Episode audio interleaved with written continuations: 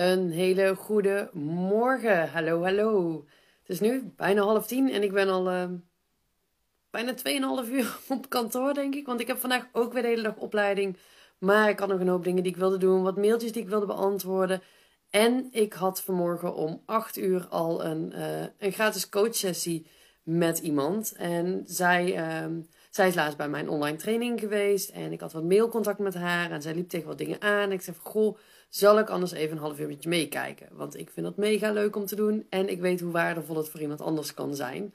Um, dus ik had vanmorgen die call met haar om 8 uur al. En eigenlijk in de, nou, binnen de eerste vijf minuten had ik haar al een tip gegeven waarvan ze zei van, nou, weet je, dit is al zo waardevol. Dit is, uh, dit, dit is echt al mindblowing. Hier kan ik echt heel veel verder mee. En het is een tip die nee, eigenlijk heel eenvoudig is. En waarvan ik dacht van, nou, weet je, ik ga hem gewoon ook met jullie delen. Dus ik denk dat dit een hele korte live wordt. Wat ook prima is, want ik heb nog wat mailtjes die ik wil beantwoorden voordat het tien uur is en mijn opleiding begint.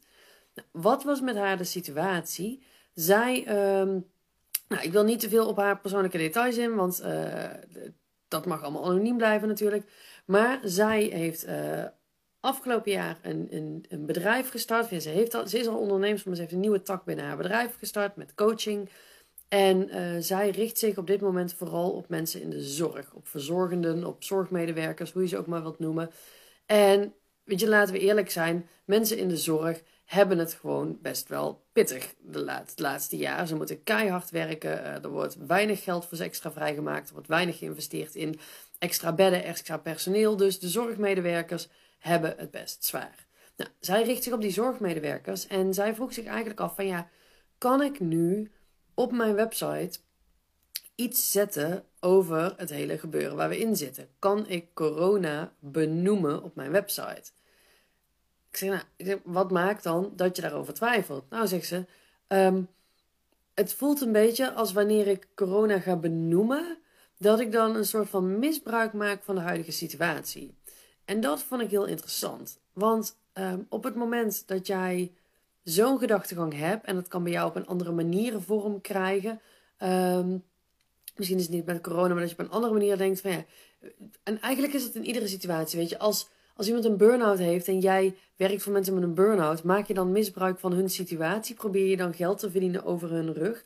Als jij mensen helpt die um, enorme werkdruk hebben door alles waar we nu mee te maken hebben en jij helpt hun, is dat dan over hun rug? Maak jij dan misbruik van een situatie? Als ik als hypnotherapeut ondernemers help die zichzelf tegenhouden in hun groei, um, maak ik dan misbruik van de situatie? Op het moment dat dat zo voelt, op het moment dat jij het idee hebt van ja, maar als ik dit doe, dan maak ik eigenlijk misbruik van de situatie van een ander, dan zit er nog iets niet goed in je mindset. En die zit misschien wel op een ander vlak dan waar jij denkt dat die zit.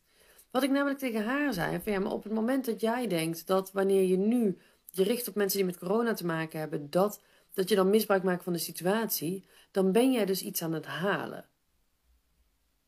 Laat die even bij je landen. Als jij denkt dat je misbruik maakt van een situatie, zit jij nog in de mindset dat jij iets komt halen. En daar mag iets aan veranderen, want jij komt hier iets brengen. Jij komt niet iets halen, jij komt iets brengen. Zij komt iets brengen waarmee ze mensen die nu enorme werkdruk en stress ervaren omdat ze in de zorg werken. Zij komt hun rust brengen. Zij komt hun van alles brengen met de coaching waar ze mee werkt. Zij komt niks halen.